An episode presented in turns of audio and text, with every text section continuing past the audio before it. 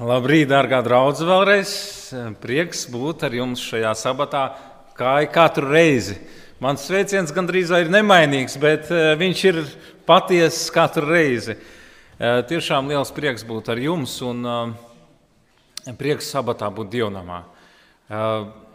Sabats ir ļoti īpašs vienmēr. Lai vai kāds ārā laiks būtu, vai lītu lietus, būtu apmācies spīdēta saule, būtu karstums, augstums milzīgs, tas neko neiespaido. Tas prieks paliek tāds pats, kad tu sabata dienā vari būt dievnamā, slavēt viņu un, un, un mācīties no viņa un godāt viņu. Vakar bija 1. septembris, zinību diena. Skolniekiem, studentiem sākās jaunais mācību gads, un vēlos vēlreiz arī katru vienu no tiem, kas iesāka savas mācību gaitas, sveikt ar 1. septembri un novēlēt tiešām, lai Dieva žēlastība ir ar jums visiem. Un šajā reizē īpaši uzruna ir priekš visiem, kas mācās.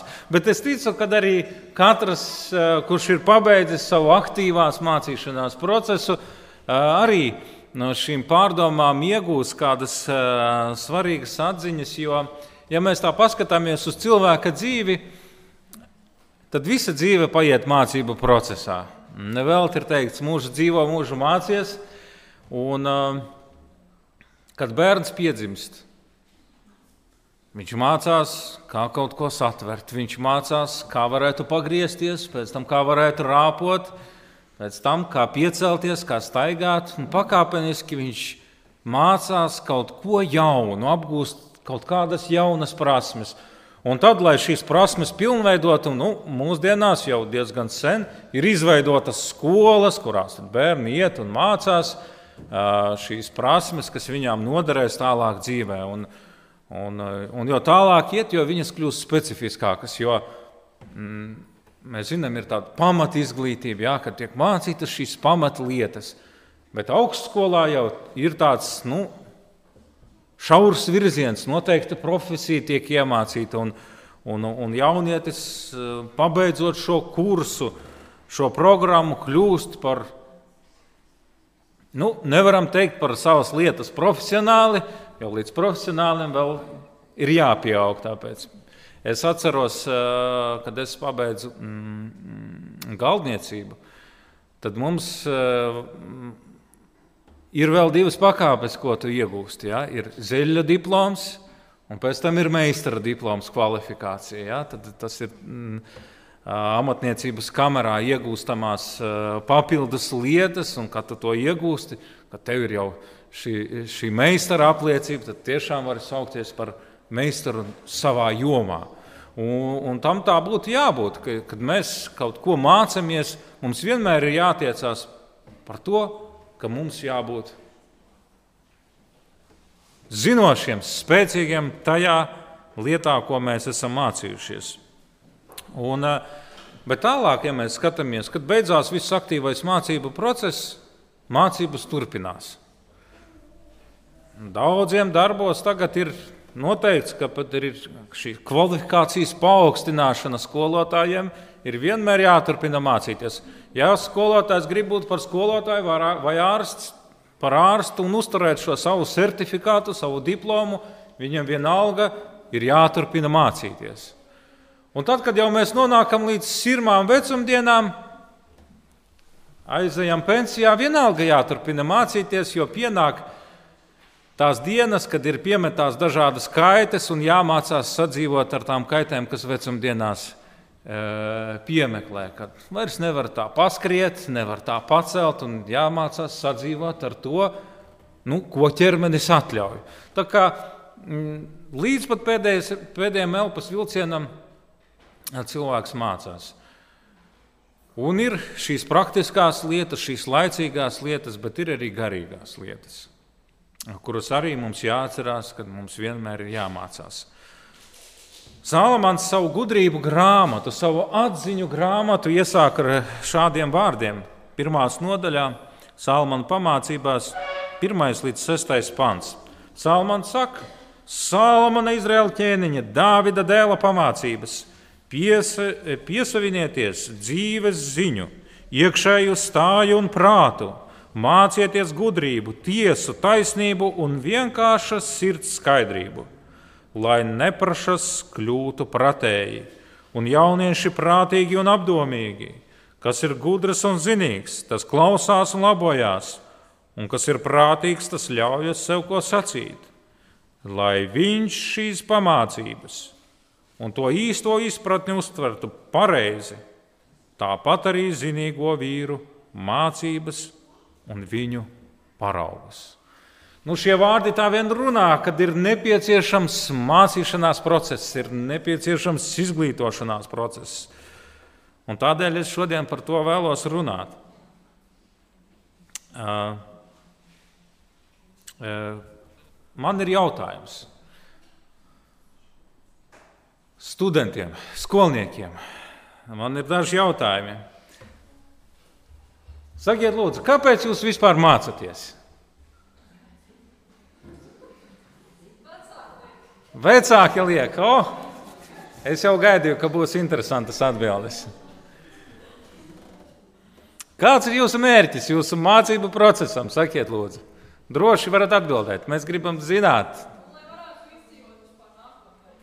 Tā tad, jā, tā tad, lai varētu izdzīvot, lai varētu tātad nodrošināt savu dzīvi, tātad, lai varētu iegūt darbu, nopelnīt finansiālos līdzekļus, par ko varētu nodrošināt sevi ar ēdienu, ar apģērbu, ar dzīves vietu. Nu kā, nu, profesija ir vajadzīga. Nu, šo, mēs dzīvojam tādā laikā, kad nu, bez mācīšanās, bez šīs skolas izglītības nu, nekādīgi nevar. Bet, uh, un tas ir labi, ka mums ir šie mērķi. Tas ir vajadzīgs. Jo, ja ir šis mērķis, ka mēs mācāmies, lai nodrošinātu savu dzīvi, tas ir viss pareizi. Bet te ir jāatcerās, ka vienmēr ir jāsakārto arī pareizās prioritātes šajos mācību jautājumos.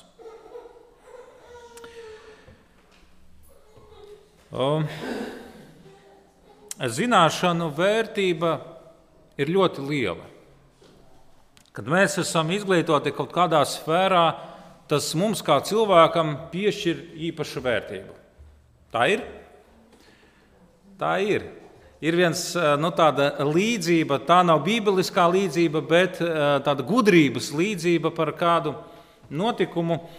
Eh, un šis notikums ir tāds: ostā stāv kuģis, milzīgs kuģis, kuram drīz jādodas reisā. Tātad, un, kā jūs zinat, kuģiem Mm, kuģis tas ir līdzeklis, ar ko nogādā piemēram krāvas vai cilvēkus, bet pārsvarā kam pieder šis kuģis, tas priekš viņa ir līdzeklis, ar ko viņš nopilna sev iztiku. Un mūsdienās kuģa dīkstāve, tā varētu nosaukt, pat vienas stundas dīkstāve var iz, izmaksāt vairākus tūkstošus eiro. Nu, notiek tā, ka stāv kuģis, viņam jādodas, viņš jau ir piekrauts, bet nevar iedarbināt dzinēju. Tur tie kuģa mehāniķi skraida apkārt ap to dzinēju, izmēģina visus variantus, nu nekas nesanāk. Viņi, viņi zina, ka ir viens tiešām prasmīgs kuģu dzinēja meistars, viņi zvana viņam, viņš tulīt klāt ir, apskata šo dzinēju, paņem nelielu āmuru, aiziet vienā vietā un divas reizes uzsit ar šo āmuru pa vienu cauruļvadu. Pēkšņi dzinējs sāk darboties, viss, viss ir kārtībā ar dzinēju. Un tad šis meistars piesāda šī kuģa īpašniekam rēķinu par tūkstoš dolāriem. Īpašnieks sašutis, saka, tu jau neko neizdarīji, tu divas minūtes tikai biji šajā vietā.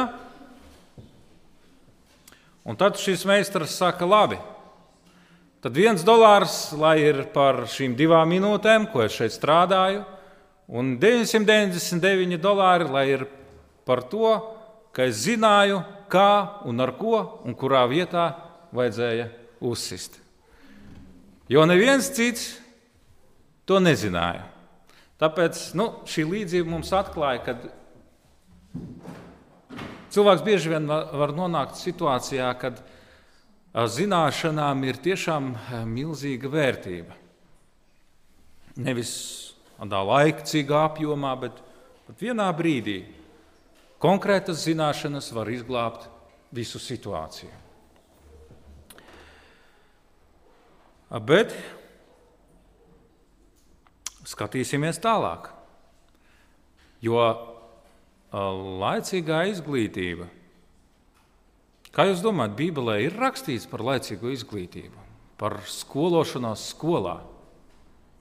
Jo Bībelē mēs lasām, piemēram, evanģēlijos, mēs daudz kur varam izlasīt Jēzus vārdus, kur viņš aicina mācekļus.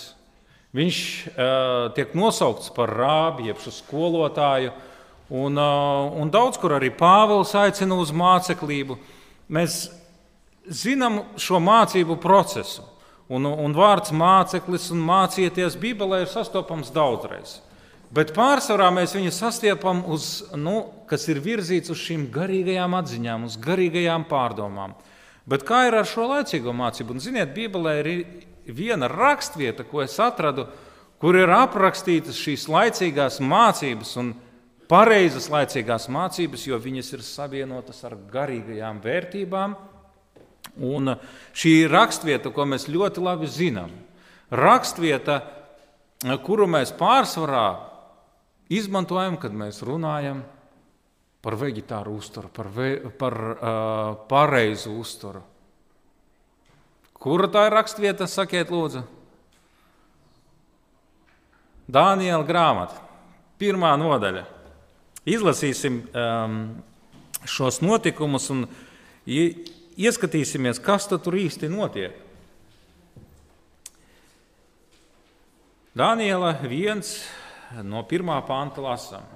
Jūdu ķēniņa Joakīma trešajā valdīšanas gadā Bābeles ķēniņš Nebukadnēcers devās kara gājienā pret Jeruzalemi un aplenca to. Un tas kungs nodeva jūdas ķēniņu Joakīmu un dažus dievnām traukus un piedarumus viņa rokā, un viņš aizveda tos uz Sinjāras zemi un nodeva tos sava dieva namā. Bet traukus un dažus citus piedarumus viņš novietoja savā dieva dārgumu krātuvē. Tad viņš pavēlēja Aspenesam, savam galvenieku pārvaldniekam, izraudzīt no izrēloša vidus, no ķēniņa nama vai no dišciltīgo ģimenēm jaunekļus, kas miesīgi, bez vainas, kas glīti izskatā, ievadīti visās zināšanās, labi mācīti, ar bagātām gara dāvanām un būtu derīgi kalpot ķēniņa pilī. Tie ir mācāmi kaldeju rakstos, un tiem jāmācās arī kaldeju valoda. Ko mēs lasām šajās fantos? Kas mums atklājās? Mēs redzam, ka kādi no Izraēla ir aizgūst, aizvesti gūstā uz Bābeles zemi.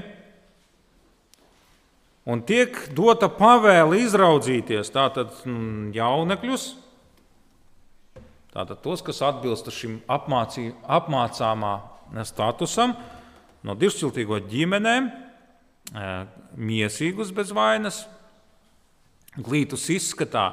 Bet kas šeit ir svarīgi? Ievērojiet tālāk ievadīti visās zināšanās, labi mācīti un ar bagātām gara dāvanām. Mēs redzam, ka, lai viņi varētu mācīties šajā kaldeju skolā, Bābeles skolā, eh, ko Nebukadnācars bija izveidojis, viņiem jau bija jābūt noteiktām zināšanām. Viņiem bija labi, jābūt labi mācītiem, un ievadītiem visās zināšanās. Par ko tas mums liecina? Tas liecina, ka jau tajā laikā, ķēniņš nebūtnēcars, jau tajā laikā bija vērtība izglītotam cilvēkam. Un ko mēs lasām tālāk? No 5. panta. Un ķēniņš noteica viņu uztaram ņemt tik dienas ēdienu no ķēniņa galda un dzērienus no ķēniņa vīna pagraba.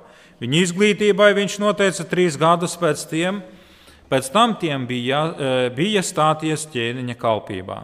Viņa starpā bija Jūdas tilts dēli Daniels, Hananija, Misels un Asarija. Bet galvenieku priekšnieks deva tiem citus vārdus un nosauca Danielu par Belsacaru, Hananju par Sadrahu un Miselu par Mesahu un Asarju par Abednego. Bet Dāniels cieši apņēmās savā sirdī neaptraipīt sevi ar ēdienu no ķēniņa galda un ar vīnu, no ko ķēniņš dzēra Tādēļ viņš lūdza galvenieku priekšnieku nespiest viņu aptraipīt sevi. Un Dievs piešķīra Danielam žēlastību un pretīmnākšanu no galvenieku priekšnieka puses. Tas sacīja Danielam, es tikai bīstos savu kungu un ķēniņu, kas ir noteicis jums barību un dzērienu. Ja ķēniņš redzētu, ka jūsu izskats nav tik labs kā citiem jaunekļiem jūsu vecumā, tad es pēc ķēniņa pavēles zaudētu savu galvu jūsu dēļ. Tad Daniels atbildēja barības sargam: ko vecākais galvenieks bija iecēlis kā uzraugu par Danielu, Hananu, Misēlu un Asariju. Izmēģini ar saviem kalpiem desmit dienu laikā, lai mums dot augu barību ēst un tīru ūdeni dzert. Tad, lai salīdzina mūs, mūsu izskatu ar to jaunekļu izskatu, kuri saņem barību no ķēniņa galda, tad arī pats ar saviem kalpiem, kā tu atzīsti par labu. Tad viņš piekrita to priekšlikumam un izdarīja izmēģinājumu ar tiem desmit dienu laikā. Un pēc šīm desmit dienām tie izskatījās labāki un veselīgāki nekā tie jaunekļi, kuri ņēma savu ēdienu no ķēniņa galda. Tad barības sargs pārtrauc izsniegt tiem nolemto barību no ķēniņa galda un vīnu, kas tiem bija jādzer, un atļāva tiem augu barību. Dievs piešķīra šiem četriem jaunekļiem ieskatu un saprāšanu visādās gudrībās un zinībās. Bet Dāniela apveltīja ar spēju saprast visādas parādības un sapņus. Kad laiks noticēja, ko ķēniņš bija noteicis, lai tos vestu viņa priekšā, tad galvenieku priekšnieks arī veda tos pie ķēniņa. Un, kad viņš runāja ar tiem, tad izrādījās, ka no visiem jaunekļiem nebija neviena tāda kā Daniels, Hanaņa, Misēls un Asarja. Tādēļ viņus arī uzņēma ķēniņa galma darbinieku vidū. Un visos gadījumos, kad ķēniņš griezās pie tiem, izrādījās, ka tie savā zināšanā, apģērbībā un asprātībā bija desmit reizes pārāki par visiem gudrajiem un zīlniekiem visā viņa valstī. Izlasot šo diezgan garo aprakstu, mēs redzam, ka šeit ir aprakstīts noteikts mācību process, ir aprakstīta īstenībā skolas dzīve. Skolas dzīve tātad. Nebukadnēcars bija izveidojis skolu, kur apmācīt jaunekļus ar dažādās gudrībās un atziņās, un trīs gadus viņiem bija jāpavada šajā skolā. Un šajā skolā mācījās ne tikai Daniels ar saviem draugiem, bet vēl citi jaunieši. Mēs to redzam no konteksta, mēs to varam ieraudzīt. Bet Šī liecība mums atklāja kaut ko ļoti īpašu. Ka Daniels un viņa draugi no dieva puses tika apveltīti ar īpašu gudrību un atziņu. Un pašā beigās ir teikt, ka visos gadījumos, kad ķēniņš pie viņiem griezās, kad viņi jau bija izmācījušies, viņi bija nu, tas tāds salīdzinājums desmit reizes pārāki par visiem gudriem un zilniekiem visā viņa valstī. Kas notiek? Darbie jaunieši, studenti, skolnieki, vai jūs vēlētos, lai jūs savā klasē būtu desmit reizes pārāki par visiem saviem klases biedriem? Nu, diezgan augsti mērķi. Ja? Bet redziet, lai to visu sasniegtu, nepietiek ar vienkāršu uzcītību, ar vienkāršu varbūt kaut kādu gudrību, kas, eh, kas ir dāvāta. Šeit ir vajadzīga dieva gudrība un īpaša dieva svētība. Jo lasot šos pantus, mēs redzam, ka tas, kāpēc Dievs piešķīra viņiem šo īpašo gudrību un īpašo atziņu, ir tāpēc, ka viņi izvēlējās tajā brīdī, kad viņi mācīsies, viņi pirmajā vietā ielika Dievu. Viņiem bija svarīgi, lai vis viņu mācību, visā viņu mācību procesā Dievam ir atvēlēta pirmā vieta. Un šis ēdiens, par ko šeit ir aprakstīts, tā bija daļa no viņu mācību procesa. Un Daniels ko teica? Viņš saka, es nevaru mācīties tā, kā ir noteicis ķēniņš. Bet es mācīšos, bet tikai viens noteikums. Es gribu, es gribu ievērot dieva likumu, negribu pārkāpt dieva likumu. Tāpēc es nēdīšu no ķēniņa pasniegtā ēdiena. Un mēs redzam, ka šo paklausību Dievs atalgoja ar īpaši piešķirtu gudrību un atziņu.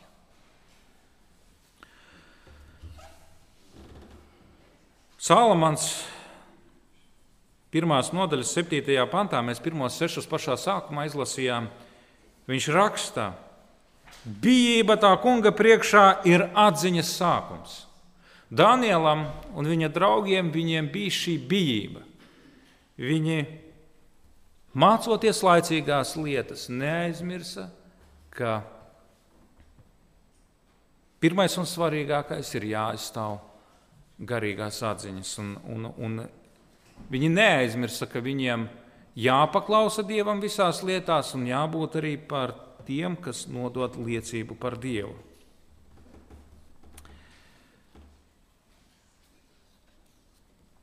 Pirmā vēstulē Timotejam ir teikt, izteikts kāds īpašs uzmundrinājums un arī aicinājums. 1. Timotejam 4.12. Neviens lai nenicina tavu jaunumu, bet topi tu par paraugu ticīgajiem vārdos un dzīvē, mīlestībā, ticībā un šķīstībā. Šodien, kad mēs raugamies uz to, ar ko jāsastopās skolniekiem un studentiem mācību procesā, mēs to varam redzēt ka tas ir kaut kas līdzīgs tam, ar ko bija jāsastopās īstenībā Dānielam un viņa draugiem. Sakiet, lūdzu, adventistu skolnieki un studenti, vai ir viegli būt par adventistu laicīgajā skolā? Kā ir? Nav viegli, pareizi. Jums ir specifiska diēta, ir sabats, Ir dažādas citas lietas, kas jūs padara atšķirīgus no visa pārējā lielā pulka. Un tāpēc nav viegli būt par skolnieku. Par adventistu skolnieku mūsdienu skolā, mūsdienu universitātē. Bet es jūs vēlos iedrošināt, nebaidieties apliecināt to, kam jūs ticat. Nebaidieties savā skolas dzīvē, savā mm, studenta dzīvē, apliecināt to, kam jūs ticat, apliecināt to, ka Dievs ir jūsu kungs un ka Viņš ir tas, kas jums piešķir gudrību, vadību un svētības. Jo no šī stāsta, ko mēs izlasījām, no Daniela dzīves stāsta, viņa dzīves, e, draugu dzīves stāsta, mēs redzam, ka viņi pastāvēja Jo viņam bija jācīnās tieši ar to pat, ar ko jums šodien jācīnās. Viņi teica, mēs nevaram ēst to, ko jūs ēdat. Mums ir cita diēta. Viņi teica, mēs nepielūgsim jūsu dievus, mēs nesvētīsim jūsu svētāmās dienas, jo mums ir sabats. Viņiem bija jāsastopās ar to pašu. Bet tas, ko viņi paveica, viņi visās lietās palika uzticīgi Dievam. Un šī uzticība tika atalgota. Jo Dievs viņiem piešķīra īpašu gudrību un izdevību visās lietās. Un mēs redzam, ka viņu, nu tā mēs mūsdienās varam teikt, karjeras kāpums faktiski bija tāds, ko grūti iedomāties. No gūstekņiem, no verga statusa, viņi kļūst Daniela otrā grāmatā, mēs, otrās, Daniela otrās nodaļas beigās, mēs lasām, ka Daniels kļūst par visas Bābeles impērijas pārvaldnieku. Un tad viņš arī lūdz, lai Nebukadnēcars arī viņa draugus ieceļ par pārvaldniekiem, un viņš tā arī izdara. Par pār, viņš ieceļ viņus par pārvaldniekiem, par uh, tādiem apgabaliem. Iedomājieties, kāds karjeras kāpums no gūstekņa, no verga, no faktiski bezcerīga stāvokļa. Viņi nonāk līdz augstākajam punktam, augstāk īstenībā kāpt vairs nav kur. Iecelt viņus augstāk neviens nevar, jo nu, impērija, impērijas galvas statusu mantoja vai iekaroja. Tātad viņi nonāk, nonāk faktiski no viszemākā sava stāvokļa līdz visaugstāk iespējamam. Un tas bija iespējams pateicoties tam, ka viņi bija mācījušies iepriekš, viņi bija apgūši dažādas zināšanas, jo viņi atbilda šim kritērijam. Tad viņi mācījās šajā Bābeles skolā, apgūta šīs um, kaldeju mācības, bet tāpat laikā viņi atcerējās, ka ir jāpaliek uzticīgiem Dievam. Un, um, uz to es arī šodien vēlos aicināt katru jaunieti, katru skolnieku un studentu. Neaizmirstiet par to, kādam dievam jūs ticat. Dievs, kuram jūs ticat, ir visvarens. Dievs ir tas, kas piešķir gudrību un atziņu, un Dievs ir tas, kas svētī ceļu. Neviens cits.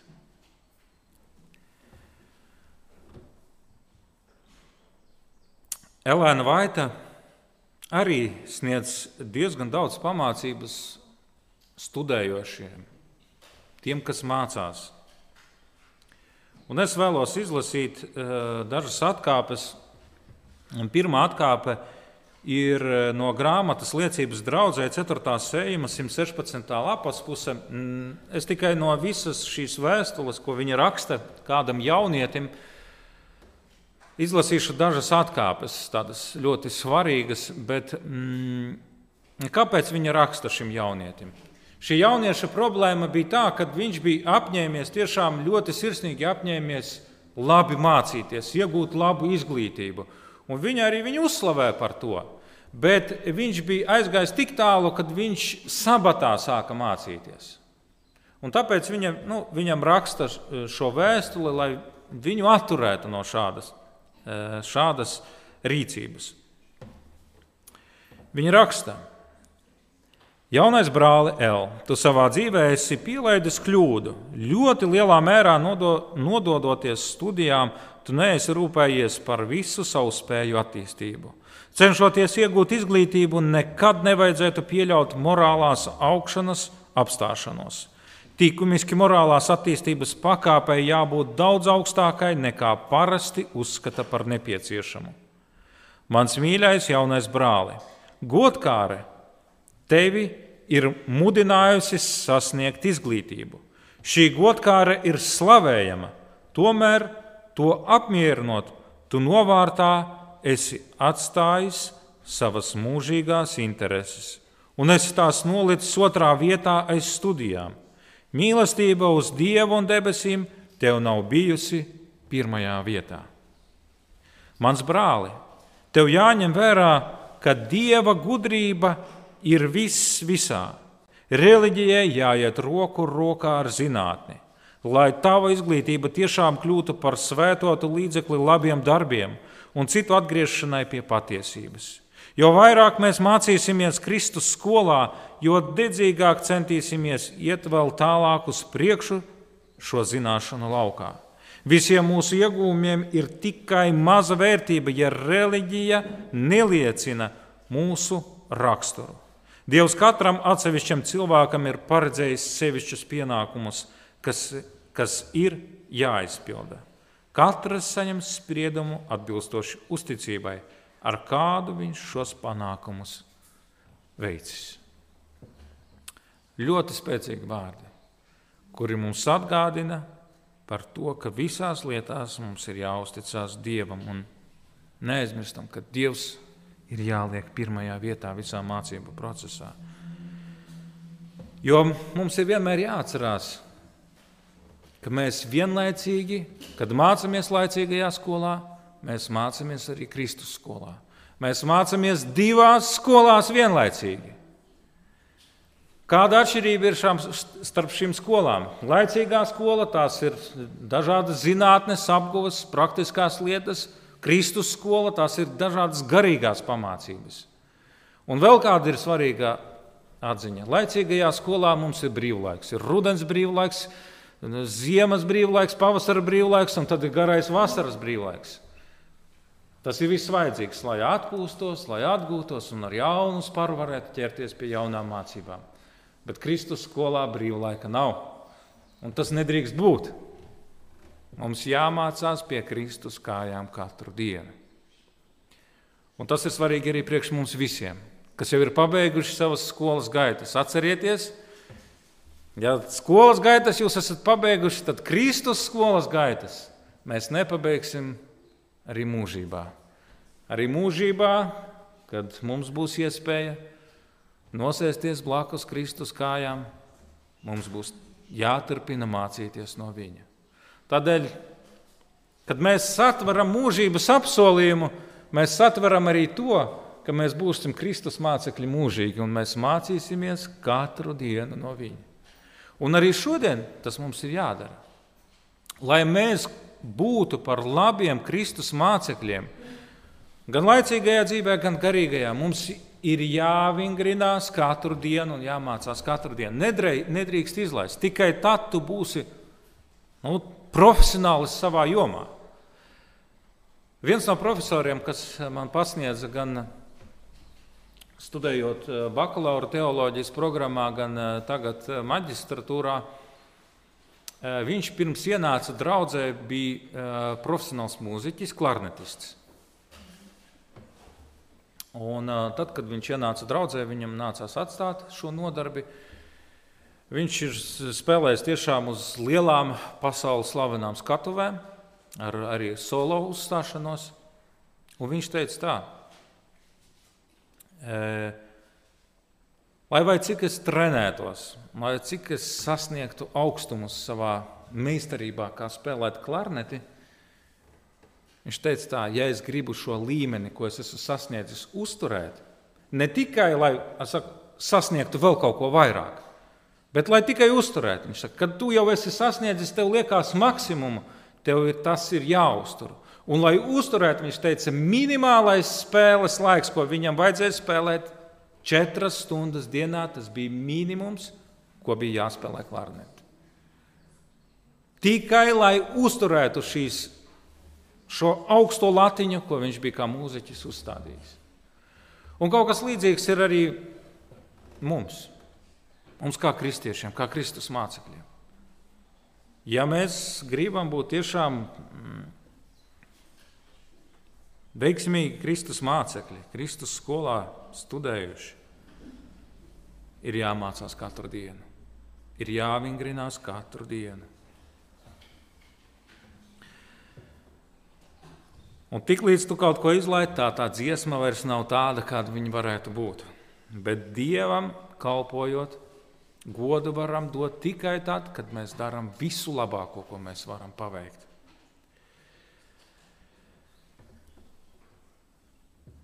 Un vēl viens eh, lasījums no grāmatas liecības draudzēji, te gan ir faktiski viens teikums, 3. sējums, 225. lapas pusē.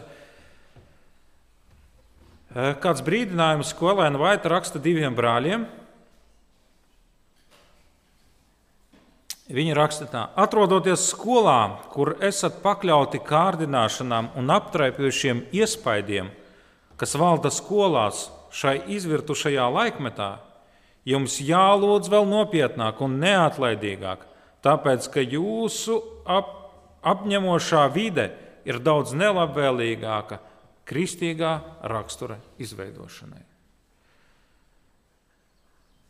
Šodien mums ir jāapzinās, ka tā vide, tā skola, kur mācās daudzi no mūsu skolniekiem, studentiem, viņa nav labvēlīga priekš kristīga rakstura. Jo to, ko mēs varam redzēt mūsdienu izglītības iestādēs, laicīgajās izglītības iestādēs, viņas bieži vien atbilst tam, ka tur ir ļauna sabiedrība. Un Bībelē ir brīdinājums nepievilieties ļauna sabiedrība samaitā labus tikumus. Un tādēļ, lai, eh, darbie skolnieki, darbie studenti,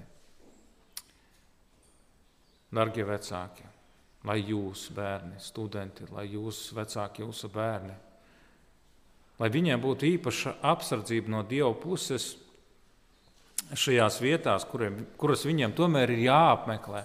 Un lai nebūtu šis negatīvais iespējas, Elēnas Vaitas ieteikums ir jums jālūdz vēl nopietnāk un neatlaidīgāk. Tādēļ lūdziet, pirms jūs dodaties uz savām skolas gaitām par to, lai jūs no turienes paņemat tikai to, kas ir labs un vērtīgs.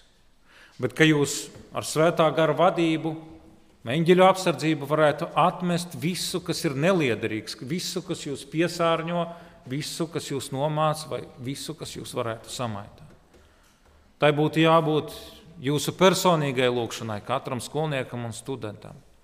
Un tai būtu arī jābūt mums, kā vecākiem, mūsu lūkšanai, ka mēs aizlūdzam par saviem bērniem, kuri dodas uz skolu un dodas atpakaļ.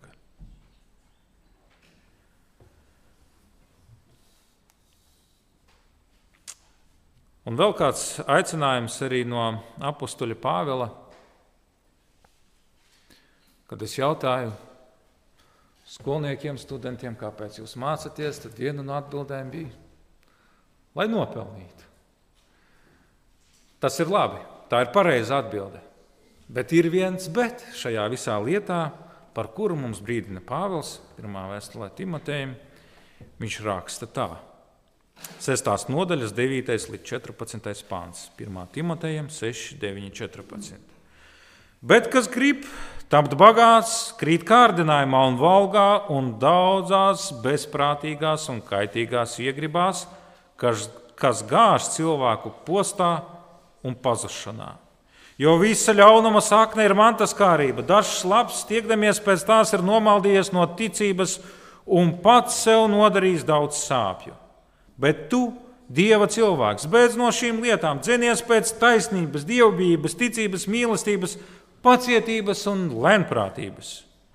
Cīnies labo ticības cīņu, satver mūžīgo dzīvību, uz ko tu esi aicināts, pats apliecinādams labo liecību daudzu liecinieku priekšā. Es piekodinu tev, Dieva priekšā, kas visu dara dzīvu, un Kristus Jēzus priekšā, kas apliecinājis labo liecību Poncija Pilāta priekšā. Turi šo pavēli, neaptraipītu un nenopeltu, līdz mūsu kungs Jēzus Kristus parādīsies savā godībā. Dārgie draugi, šis ir brīnišķīgs aicinājums. Cīnīties labo ticības cīņu. Lai vai kur mēs būtu, lai vai kādā izglītības iestādē mēs būtu, lai vai kur, pat darbā vai kur citur. Satveriet mūžīgo dzīvību, uz ko jūs esat aicināti. Apliecinādami labo liecību daudz liecinieku priekšā. Darbie skolnieki un studenti, Jums ir brīnišķīga iespēja liecināt par to, kāds ir mūsu Dievs. Paklausot Dievam, šī liecība jums pat nebūs jādomā par to, kā es varu liecināt. Jūsu dzīve kļūs par skaidri redzamu liecību, jo jūs būsiet atšķirīgi. Un viņi saredzēs jūsos Dieva vadību.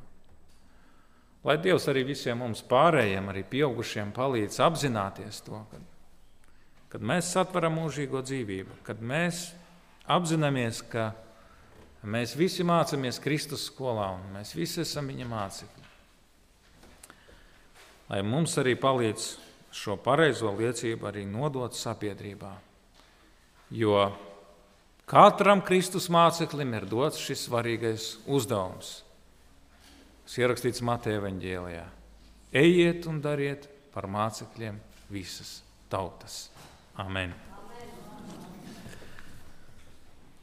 Augstais un godības pilnais Dievs, kas ir debesīs, kas esi mūs veidojis pēc savu tēlu un savas līdzības, mēs pateicamies par to, ka tu esi mūs veidojis, par to, ka tu mums piešķir gudrību un atziņu dažādās lietās.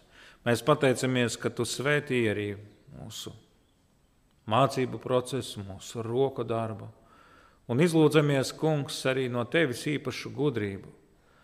Lai ikvienā lietā, ko mēs darām, vai mūsu mācību procesā, vai mūsu darba gaitās, palīdz mums it visur būt gan par taviem mācekļiem, gan par taviem lieciniekiem.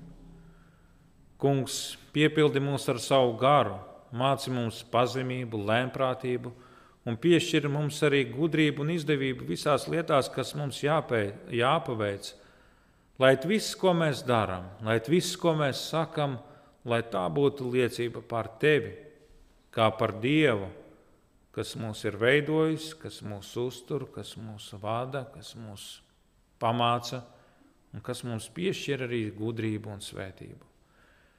Palīdz mums vienmēr atcerēties, ka pirmā vietā mums ir jāliek tevi, paklausot taviem likumiem, un tikai tad visas pārējās lietas.